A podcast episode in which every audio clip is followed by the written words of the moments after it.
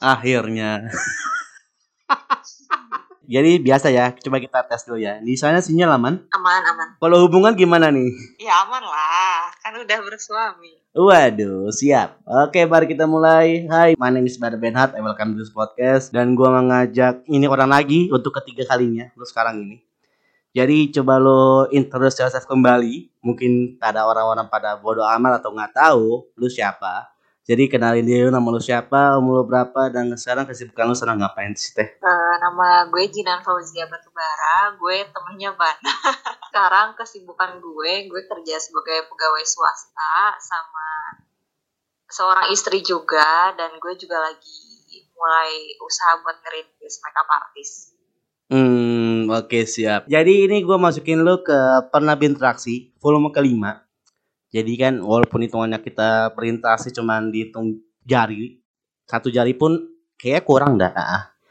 Jadi hitungannya gue ngajak lu di volume kelima yang bertemakan tentang circle. Jadi ya kita tahu kita circle-nya juga sama di grup yang entah kenapa itu bergabung, entah kenapa itu dibentuk, gue juga bingung.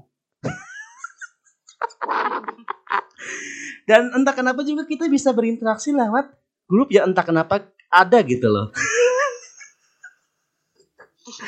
iya kan? Jadi gue spill lagi nih. Oh, saya lu mungkin nggak tahu podcast gue yang tentang benar bintasi ini kayak gimana. Jadi ini podcast yang yang seriesnya ini gue pengen mengajak kembali rekan-rekan nama gue dari teman gue SD, SMP, SMA maupun kuliah maupun yang pas gue merantau kemarin.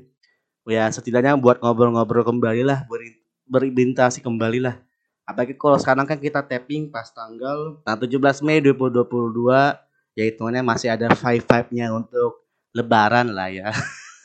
Jadi tetap aja ya masih ada five five nya untuk lebaran Uh, jadi kan kita sebagai manusia kan pastinya perlulah untuk berinteraksi, uh, perlulah untuk bersilaturahmi kepada rekan-rekan lama kita. Kalau saya untuk ya di volume ini untuk di series ini emang tujuan gue untuk silaturahmi sih, lebih tepatnya untuk ngobrol-ngobrol kembali sama teman-teman lama gue yang sibuk yang kenapa juga bingung gue sibuk yang ngapain. Dan tadi kan lu udah sempat introduce kan, dan akhirnya emang lu sibuk ya emang jadi ya wanita karya juga kan. Jadi kalau saya di topik pada kali ini emang gue khususin emang tidak ada briefing. Jadi kayak ngobrol-ngobrol biasa aja gitu teh. Biasanya kalau di okay. di dua episode sebelumnya kan ada emang ada topik ya kan. Yang pertama kan bahas tentang apa yang lu derita, yang kedua apa yang lu sudah lakukan, yang ketiga apa yang lu sedang circle, apa yang lu uh, interaksi sama orang lain.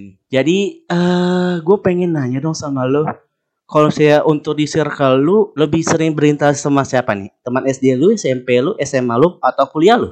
Teman kerja sama teman SMA. Hmm, kenapa tuh? Gak tau, karena uh, buat gue teman SMA gue tuh yang paling sohib banget gitu. Jadi sampai sekarang tuh masih bener-bener deket banget sama teman SMA. Dan itu pun teman SMA lu udah pada nikah semua? Ada yang belum, tapi yang udah juga banyak. Ada yang udah punya anak juga? Ada. Hmm, itu gimana sih lu cara biar berinteraksi kembali dengan kesibukannya masing-masing gitu? Sebenarnya sih uh, dengan sering-sering ketemu ya kalau misalnya ada waktu. Karena kalau misalnya kayak uh, teman SMP apa SD gitu kan yang gue udah jarang banget ketemu gitu. Jadi di WA pun atau di sosmed pun gue emang jarang berinteraksi. Tapi kalau misalnya teman SMA itu minimal tuh tiap tahun ada aja gitu kegiatan ketemunya. Misalnya bukber atau misalnya apa deh sedang ngeliwet atau botram bareng kayak gitu. Jadi dari situ makin deket. Meskipun sekarang misalnya kayak teman-teman gue kan di sana ya di Banjar Ciamis.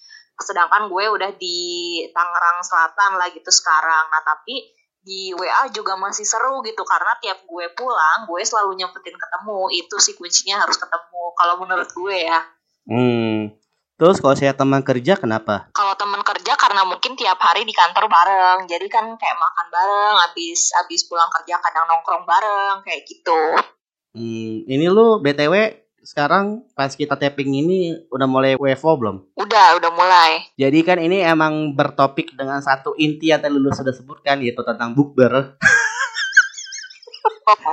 Oke, okay, siap. Jadi kalau misalnya gua ibatin ya, kayak kita juga pernah berinteraksi juga berawal dari bukber lah ya. Emang entah kenapa melalui bukber inilah bisa berinteraksi kembali dengan rekan-rekan baru maupun yang lama gitu loh. Mm-mm. Kalau saya Nah, di teman-teman selama circle lu ini, ya gue nggak tahu ya mungkin lu pernah ngehadirin bukber S teman SD lu atau mungkin SMP lu, SMA lu atau mungkin kuliahan lu kemarin. Itu mm. kalau pas lu bukber itu pada ria-ria semua nggak sih? ya mungkin kalau di foto pada senyum ya, tapi aslinya kan nggak tahu juga. Enggak, jadi gini loh. Entah kenapa gue liat di apa ya ah, TikTok lah atau mungkin di Instagram lah. Rata-rata kalau orang jarang atau mungkin mager buat kayak berinteraksi kembali sama teman-teman namanya dia, ya itu karena ria. Dan lu ngalamin di mana gitu? Ria sombong maksudnya. Ya, ria dalam artian bukan apa ya? Omongan apa gimana gimana terserah lu dah rianya gimana. Gimana ya? Kalau misalnya temen kerja, temen kerja sih yang pasti enggak ya, karena kan kita juga tahu se- seharian keseharian dia tuh kerjanya ngapain, posisinya apa, terus di kantor kayak gimana kan kita tahu. Jadi kita kalau misalnya bukber ya udah paling kita ngegosipin siapa gitu, artis kayak atau apa karena eh apa ya teman-teman kantor gue juga pada seru-seru sih pada julid-julid gitu orangnya jadi kayak gak ada yang ria-ria gitu. Terus kalau misalnya teman SMA juga nggak tahu ya alhamdulillah sih gue nggak nggak pernah ada yang ngomongin kerjaan sama sekali atau misalnya pencapaian apa kayak gitu gitu nggak pernah sih. Kita bener-bener kayak yang ya udah gitu quality time aja ngelawak kayak gitu-gitu sih alhamdulillah. Mungkin karena apa ya karena gu- gue memilih circle yang seperti itu kali gitu. Jadi emang kebawanya ke situ gitu nggak ada yang ria-ria kayak gitu. Enggak, maksud gua dalam artian lu pengen menjalin lagi interaksi dengan rekan-rekan lama lu bisa kayak teman SMP lu yang bisa dibilang miskomunikasi atau mungkin lost contact terus teman SD lu mungkin lu pengen eh, kayak kepo wih gimana sih perkembangan dia? gitu dan ternyata lu ikutin sama bukber tersebut ternyata mereka bahas-bahas tentang ya mungkin pekerjaannya kah atau mungkin tentang istrinya kah atau mungkin tentang apa yang dia lakukan apa mungkin harta dia bagaimana gitu? Hmm, nggak pernah sih. Kau nggak pernah? Ya nggak nggak ada bahas-bahas soal ke sana sih. Biasanya bahas-bahasnya tentang apa aja? paling bahas ya tentang kalau misalnya ada yang bawa anak bahas tentang nanya anaknya udah bisa ngapain aja kayak gitu-gitu. Terus eh, paling standar ya kalau misalnya sekarang kerja di mana udah sampai situ doang. Nggak nggak ada sangkut pautnya apalah yang dia punya dan lain-lain. Paling cuma gitu kerja di mana di kota mana perusahaan apa udah gitu doang gitu sebatas itu kalau teman SMA ya. Tapi mungkin kalau misalnya teman-teman kuliah aku nggak tahu sih karena aku juga nggak ikut. Kalau berteman kuliah karena aku pasti ada aja sih yang ke situ omongan-omongannya kalau teman kuliah tuh. Karena dulu pernah pas tahun lalu kalau nggak salah apa dua tahun lalu lah pas sebelum covid tuh pernah ikut. Ya gitulah tiap misalnya tiap ada yang datang eh bos ini gitu-gitu. Beda sih kalau teman kuliah makanya gue agak menghindari itu juga kemarin. Jadi gue sama yang seru-seru aja gitu. Hmm, iya iya.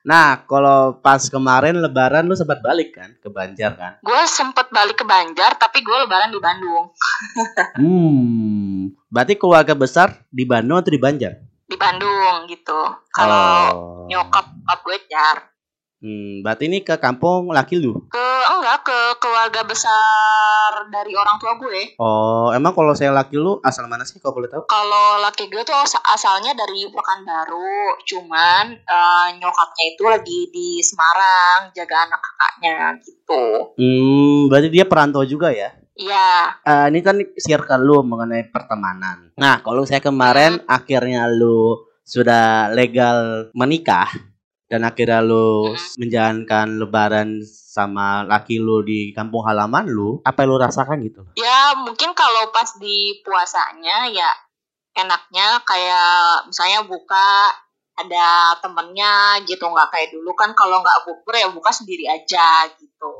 Terus kalau pas lebaran sih jadi lebih rame aja gitu kan. Soalnya maksudnya di keluarga gue ada orang baru datang gitu jadi lebih banyak apa ya lebih banyak topik omongan gitu yang bisa di dilontarkan sama keluarga gue dan gue pun bisa eh, jalan-jalan ke Semarang ke tempat nyokapnya gitu Hmm, Lebih enak. Berarti kemarin pas lu puasa sempat berkunjung ke tempatnya dia berarti ya? Enggak pas puasa, pas setelah uh, dari Bandung balik ke Jakarta, terus gue lanjut ke Semarang langsung. Lah anjir. Kenapa jadi dua kali? Kenapa nggak ada Bandung langsung ke Semarang aja? ya karena pengen jalan-jalan aja sih tujuannya ke Semarang sekalian. Hmm. Berarti di Bandung berapa lama dan di Semarang berapa lama? Hmm, di Bandung cuma tiga harian gitu, di Semarang empat hari. Dan sempat ketemu sama orang tuanya dia, sama kerabat-kerabatnya dia. Iya. Hmm, oke. Okay. Jadi kita bahas dulu yang di Bandung ya. Biasanya kalau di stigma stigma pemikiran gua, karena kan sorry to say ini kan gua tidak menjalankan ibadah puasa maupun lebaran. Jadi kan ini gua hmm. berdasarkan dengan apa yang gua lihat, apa yang gua tangkap dari sosial media sosial media yang entah kenapa itu gue juga bingung. Biasanya kalau lu sebagai ya akhirnya udah menikah lah ya. Ada nggak sih di antara keluarga kalian itu yang ada melontarkan pertanyaan-pertanyaan kapan nikah, kapan kawin, kapan lulus gitu? Ada nggak? Pasti sih. Kayaknya itu kayaknya itu bukan pas lebaran doang, kayaknya setiap orang juga ditanya deh itu. Oh gitu. Oh, Oke. Okay. Apa jangan-jangan ada salah satu tante yang genit bilang kayak Jinan, kapan punya anak? Pasti, pasti ada. Tapi kalau misalnya gue, kalau misalnya nganggap itu dari keluarga, ya itu doa aja gitu kan. Karena dari keluarga gue sendiri gitu kan. Karena biar gimana pun keluarga gue kan seenggak-enggaknya tante gue pasti pernah ngurus gue pas kecil gitu. Pernah nyebokin pernah ngajak main gitu kan kalau keluarga. Kecuali kalau misalnya tetangga atau orang lain yang ngomong gue bodo amat. Tapi kalau misalnya keluarga ya gue bilang ya doain aja gitu Walaupun hitungannya tante lu atau mungkin orang yang bilang sama lu itu jarang berinteraksi sebelumnya sama lu. Kayaknya sih kalau yang jarang berinteraksi hampir nggak ada yang nanya deh. oh berarti aman ya aman tapi tetangga tetangga ada yang nanya kalau tetangga ya ya gue diemin aja doain aja ya gitu sih tapi kalau keluarga sih pasti maksudnya baik lah gitu kalau keluarga hmm oke okay. Berarti udah ada tanda-tanda nih apa lagi ada rencana sebelumnya? Kalau dibilang ada rencana sih kalau gue pribadi belum ya. Tapi kalau misalnya suatu saat nanti dikasih kapan pun ya gue siap gitu. Yeah. tapi kalau misalnya sampai gue sekarang sih belum ada program hamil belum sih. Hmm nggak oke okay, nggak apa-apa. Kan itu kan orang-orang beda-beda. Ada yang justru untuk langsung tancap gas atau mungkin mau udah berkarir dulu aja lah. Nanti kalau saya udah punya anak nanti kita pikirin lagi gitu loh. Ada juga yang kayak harus mengadopsi anak juga. Ya terkadang itu ya mungkin urusan-urusan dalam internal rumah kalian lah. Itu gua bodo amat gitu. Jadi ya. kalau misalnya untuk ber apalagi lu satu saya jadi istri. Hitungannya lu makin susah nggak sih untuk ketemuan lagi atau mungkin semakin susah nggak sih untuk berinteraksi kembali sama rekan-rekan lama lu? Atau justru makin gampang? Sama aja sih kayaknya. Karena suami gue juga nggak membatasi gitu. Misalnya gue paling ya bukber jangan sampai pulang kemalaman. Misalnya di atas jam 10 misalnya kayak gitu-gitu karena mungkin khawatir di jalannya aja sebenarnya bukan karena apa-apa. Karena kan sendiri juga gitu kan. Ya kalaupun misalnya gue mau main sama temen juga dibolehin dibolehin aja sih.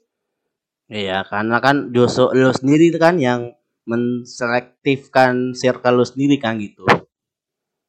Ya jujur hmm. kalau gue pilih-pilih memang. Iya iya. Berarti bisa dibilang lu lebih lebih memilih ke penunggu ya daripada inisiator ya. Iya. Kirain teh emang kayak misalnya kayak gua gitu loh. Kalau saya gua kan emang lebih ke inisiator karena kenapa? Karena ya kita tahu lah ya semakin tua, semakin circle kita semakin mengecil. Ya emang sih pasti ada aja lah satu dua orang yang masih berkat banget lah masih dalam berkomunikasi secara lancar sampai berapa tahun pun itu pasti ada aja. Tapi ya kenapa gue milih inisiator? Karena ya seperti tadi gue bilang gue butuh circle lebih lagi. Ya setidaknya buat ya paling simpelnya buat ngajak buat jadi pembicara ke sini aja deh gitu. Iya kan? Apalagi kalau saya lu sendiri teh yang kayak sampai ngatur jadwal juga susah. Sampai yang kayak gue nggak tahu lu sebagai ibu sam uh, bagi laki lu juga gimana ya mungkin lu lebih ke tanda kutip babu kali. Ya ya pak. Enggak. Di gitu enggak juga sih karena uh, kebetulan kan suami gue tipe yang rajin bersih bersih lebih rajin daripada gue ya sebenarnya. Oh gitu. Cuman, oh bagus bagus bagus aku gitu bagus. Dia ya dia tuh tipe, tipikal tipikal bapak-bapak rumahan banget gitu loh. Jadi dia emang yang jarang keluar kalau nggak sama gue kayak jarang nongkrong gitu jarang banget nongkrong. Terus dia emang anaknya introvert sih diem di rumah aja. Iya iya. Ya gue juga merasa salut juga loh di mana uh, kalian berbeda prinsip dalam artian lu tadi bilang kan emang laki lu introvert banget dan kalau lu sendiri lebih ke extrovert banget. Ya gue nggak tahu ya extrovert atau ambivert gue nggak ngerti kalau lu. Ya maksudnya setidaknya bisa klop aja gitu ya sayangnya sih lu belum pernah LDR ya ya jangan sampai lah ya. Gue sih males LDR ya takutnya gitu loh kalau si laki lu ditempatkan di luar kota ya pasti ada lah LDM lah gitu loh. Gue ikut. Lah lu beneran mau ikut? Sampai bela-belaan begituan? Keren juga lo hmm. ya gue ikut. Gue ikut-ikut aja sih. Oh gitu. Oke deh. Nah kalau misalnya pas kalian lebaran itu kan tadi kan dari versi lu nih dari yang di Bandung. Kalau saya yang di Semarang ada juga sih yang kayak saudara-saudara dia atau tetangga-tetangga dia yang bilang kapan nikah, kapan kawin, kapan skripsian kelar gitu-gitu. Ada nggak? sama sekali nggak ada. Bahkan nyokapnya pun nggak nanya kapan mau punya anak. Oh gitu? Kenapa? Ya karena mungkin terserah yang berumah tangga mungkin gitu hmm tapi untuk hubungan lancar kan lancar alhamdulillah nggak mungkin karena gini karena dulu uh, kebetulan nyokapnya juga wanita karir jadi dia ngerti oh gitu oke oke oke karena mungkin juga ya, alhamdulillah apa gimana? sampai ditanya apa? Hmm, oke. Okay. Tapi kalau misalnya anak-anak bocil naik-naikin THR nggak sih sama lu? itu itu selalu sih. oh. Lu kasih berapa? ya tergantung, tergantung usianya. Gue semakin gede orangnya, maksudnya semakin udah besar gitu umurnya, semakin banyak. Oh gitu. Oh, soalnya iya. soalnya gini loh ini merupakan merupakan materi yang menarik karena kan hitungannya kan dulu sudah apa ya sudah menikah so pasti kan setidaknya kan membagikan uh, uh, harga harta lu sebagian untuk uh, memberikan THR lah hitungannya tunjangan hari raya bagi anak-anak bocil gitu loh kalau saya gue lihat justru kalau saya anak semakin kecil itu dikasihnya juga semakin gede gitu loh Sedangkan kalau saya di usia-usia kayak gua yang notabene belum nikah, ya setidaknya dikasih ya dikit banget gitu loh. Kalau saya lu kemarin gimana? Kalau gue enggak, justru kalau misalnya kayak misalnya sepupu-sepupu gue yang masih kuliah gitu atau masih SMA, itu gue kasih lebih besar daripada anak-anak yang masih SD, SMP gitu. Paling anak-anak SD gue cuma kasih dua puluh ribu karena menurut gue adil itu ya sesuai sesuai ke kebutuhan gak sih gitu. Karena gue pun ngerasa semakin gede kan kita semakin banyak kebutuhan kan dan semakin mahal. Ya bocil SD ngapain sih kebutuhannya kalau nggak cuma jajan doang gitu kan? Jadi gue gitu prinsipnya semakin gede umurnya semakin besar THR-nya mm -hmm. dan pas lo kemarin belum menikah kayak gitu juga gak sih lo kalau saya dibagi-bagiin THR sama saudara-saudara udah nikah Iya sama sama gue selalu pokoknya anak di keluarga gue gitu anak-anak gede selalu dapat lebih gede daripada anak kecil. Cuman cuman anak kecil itu dapatnya lebih dari banyak orang maksudnya cuman yang receh-receh gitu loh kayak sepuluh ribu lima ribu gitu. Iya apalagi kalau saya orang tua yang punya anak pasti dorong-dorong tuh. Nak nak nak nih itu ada tante tante tante Jinan tuh coba minta dong minta dong minta dong nah itu pasti ada aja. Iya itu gue gue ini aja sawer aja dua ribuan ya maksudnya ya entah kenapa ya kalau saya gue lihat-lihat juga kayak peluang juga sih kalau saya ada orang punya anak tiba-tiba dikasih gede gitu loh Tapi saya untungnya lu bagi rata ya. Tapi kok saya untuk yang as, uh, contohnya misalnya nih, gua ketemu sama lu mau minta THR sama lu. Lu kasih berapa ke gua? Kalau saudara gue, Ya misalnya nih, misalnya gua, gua saudara lu. Gua kan apa minai dini sama lu. Gua datangin ke lu, gua minta THR-nya lah gitu. Lu kasih ke berapa ke gua? Yang notabene gua belum pernah belum nikah. kalau bisa belum nikah sama dia belum kerja sama sekali, paling gue kasih seratus ribu. Kalau udah kerja, Enggak gue kasih. kenapa? Pokoknya di di keluarga gue itu yang kerja yang bagian ngasih THR, udah intinya itu. Walaupun hitungannya dia belum nikah. Iya, Oh gitu. Oke oke oke. Gue kira prinsipnya kayak orang Chinese gitu loh. Kalau saya orang Chinese kan kalau misalnya eh, lagi kemarin kan Imlek kan, kalau saya ada orang yang nikah udah punya kerja atau mi- minimal nikah lah minimal nikah, saya tidaknya kasih ampau gitu sama orang-orang ya. Botolnya pat- patokannya dia udah nikah gitu loh. Gue nggak tahu apakah dia udah punya pekerjaan apa gimana gitu loh. Kalau misalnya di kemarin lu itu pas lebaran justru kok sih walaupun dia single sekalipun tapi dia belum nikah eh single pasti belum nikah ya ya saya dia single tapi udah punya pekerjaan pasti tetap dikasih juga apa tuh memberi juga ya oke oke oke Iya, kalau kalau lebaran itu patokannya yang udah kerja yang ngasih THR gitu. hmm. pasti yang ada dikasih THR pasti sekali sekali lu bilang lah lu kenapa nggak kerja hmm. Iya itu itu apalagi kalau saya di era-era Gen Z gitu loh dalam artian kalau saya dicecer pertanyaan-pertanyaan gituan, waduh, udah overthinking duluan cuy. Udah kayak lu kenapa sih lu kayak nggak kerja atau mungkin lu kenapa belum nikah gitu loh. Pasti ada overthinking overthinking yang mereka pikirkan pastinya kan. Iyalah orang ditanya kapan sidang atau kapan wisuda aja nggak enak rasanya pasti tuh. Hmm. Lu kemarin untungnya pas kuliah nggak ngaret kan? Alhamdulillah enggak. Nah, jadi kalau saya dalam hati yang ngaret pasti lu dicuci pertanyaan gitu mulu pas lu lebaran. Iya kan? Iyalah pasti. Hmm. Tanya pasti. Kalau misalnya dari pihak laki lu gimana? Hmm, apa tuh? THR. Hmm.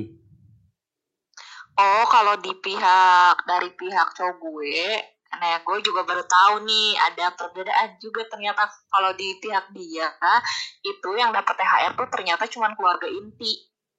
Hmm, oke, iya iya. Tapi sih Ya mungkin ya kalau kalau gue tuh sekeluarga besar gitu kan sampai sepupu, ponakan. Ternyata kalau di dia keluarga inti aja.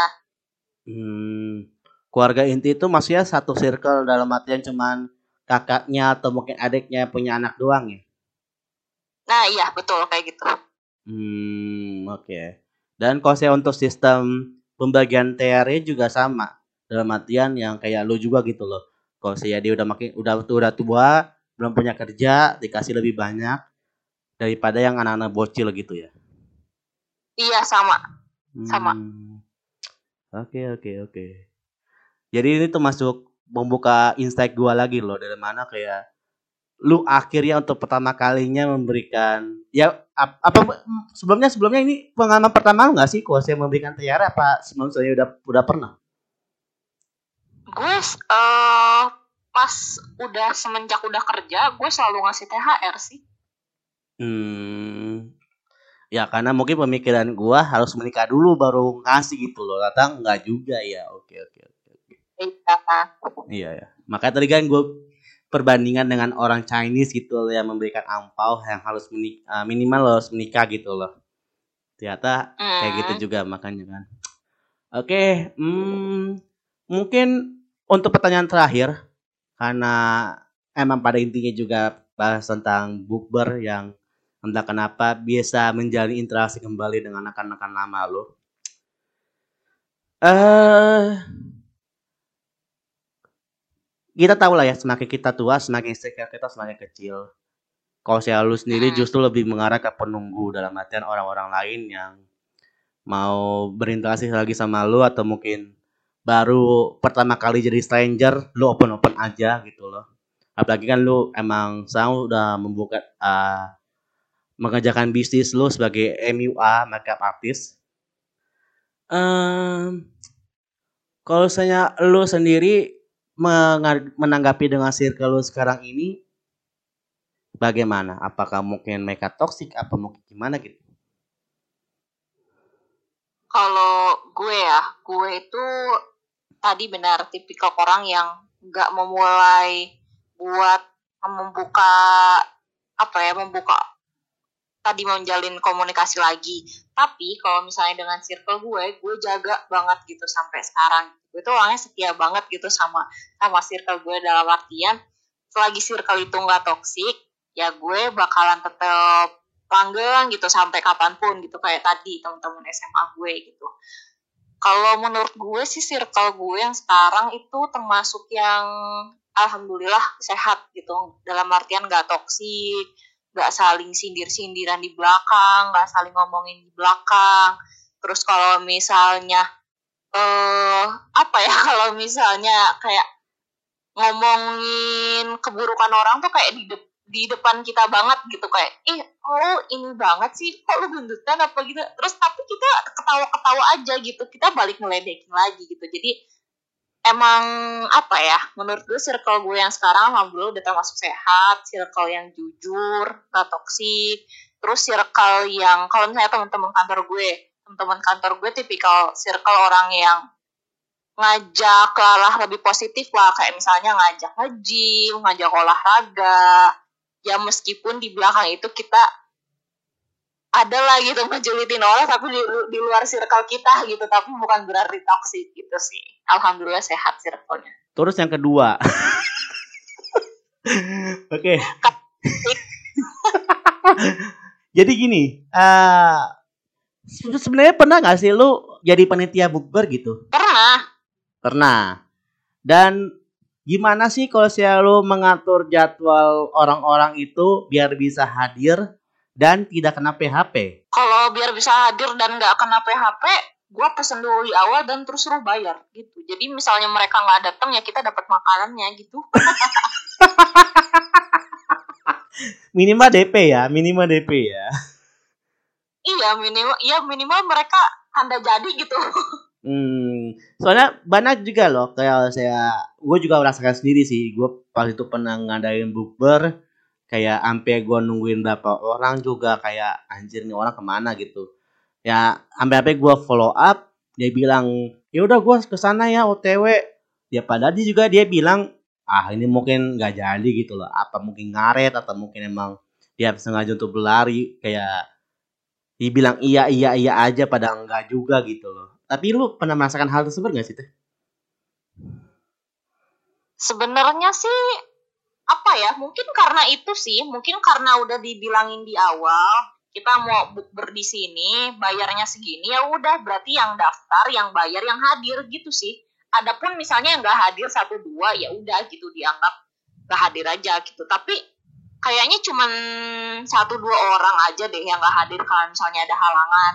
Kalau misalnya mereka udah bayar udah udah daftar istilahnya udah booking itu kan mereka kan berarti niat gitu kan beda kalau misalnya kita cuma kita bukber yuk ketemuan di sini oh iya iya kalau kalau gue gue iya iya juga sama gitu tapi nggak tahu hadir nggak tahu enggak kalau misalnya nggak ditagih di awal gitu sih Hmm. Apalagi kalau misalnya bukber di era sekarang ya mungkin kayak apa ya? Istilahnya kayak nongkrong biasa gitu loh, nggak harus kayak ada makanan atau mungkin kayak cuman di tempat kopi mana gitu loh. Kayak ayo kita janjian jam segini ya gitu ya harus ya untuk booking tempat atau booking booking makanan juga nantilah belakangan gitu loh mungkin di pesan apa gitu ya nantilah belakang gitu tiba-tiba yang datang cuma berapa orang doang gitu Iya, tapi kalau kayak gitu emang pasti bakalan banyak yang gak datang. Soalnya acaranya kayak nggak nggak formal gitu loh. Kayak ya udah yang mau datang gitu, yang enggak enggak gitu kan. Iya, kan kalau misalnya versi lu mungkin yang datangnya versi formal ya kalau saya udah jadi nih, udah fix nih, udah udah transfer nih, yaudah gua berangkat gitu loh buat bukber gitu ya. Iya, kalau di gue gitu sih. Hmm. Oke, oke. Thank you ya, Teh atas waktunya. Singkat kan? Lumayan singkat.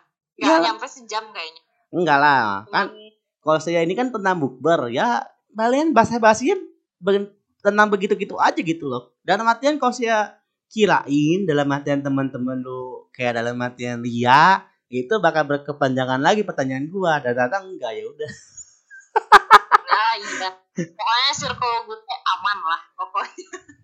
Hmm. Gue gue sempat sempat ada di ada di circle seperti itu pas kuliah dan gue ya udah gue cabut aja jadi nggak maksudnya jadi temenannya eh one on one gitu nggak yang kayak ngegeng jadinya Oh, dulu sempat ngegeng tapi karena emang prinsipnya udah mulai toksik jadi lu uh, keluar pelan-pelan gitu ya. Jadi cuma satu biji satu biji satu biji doang ya.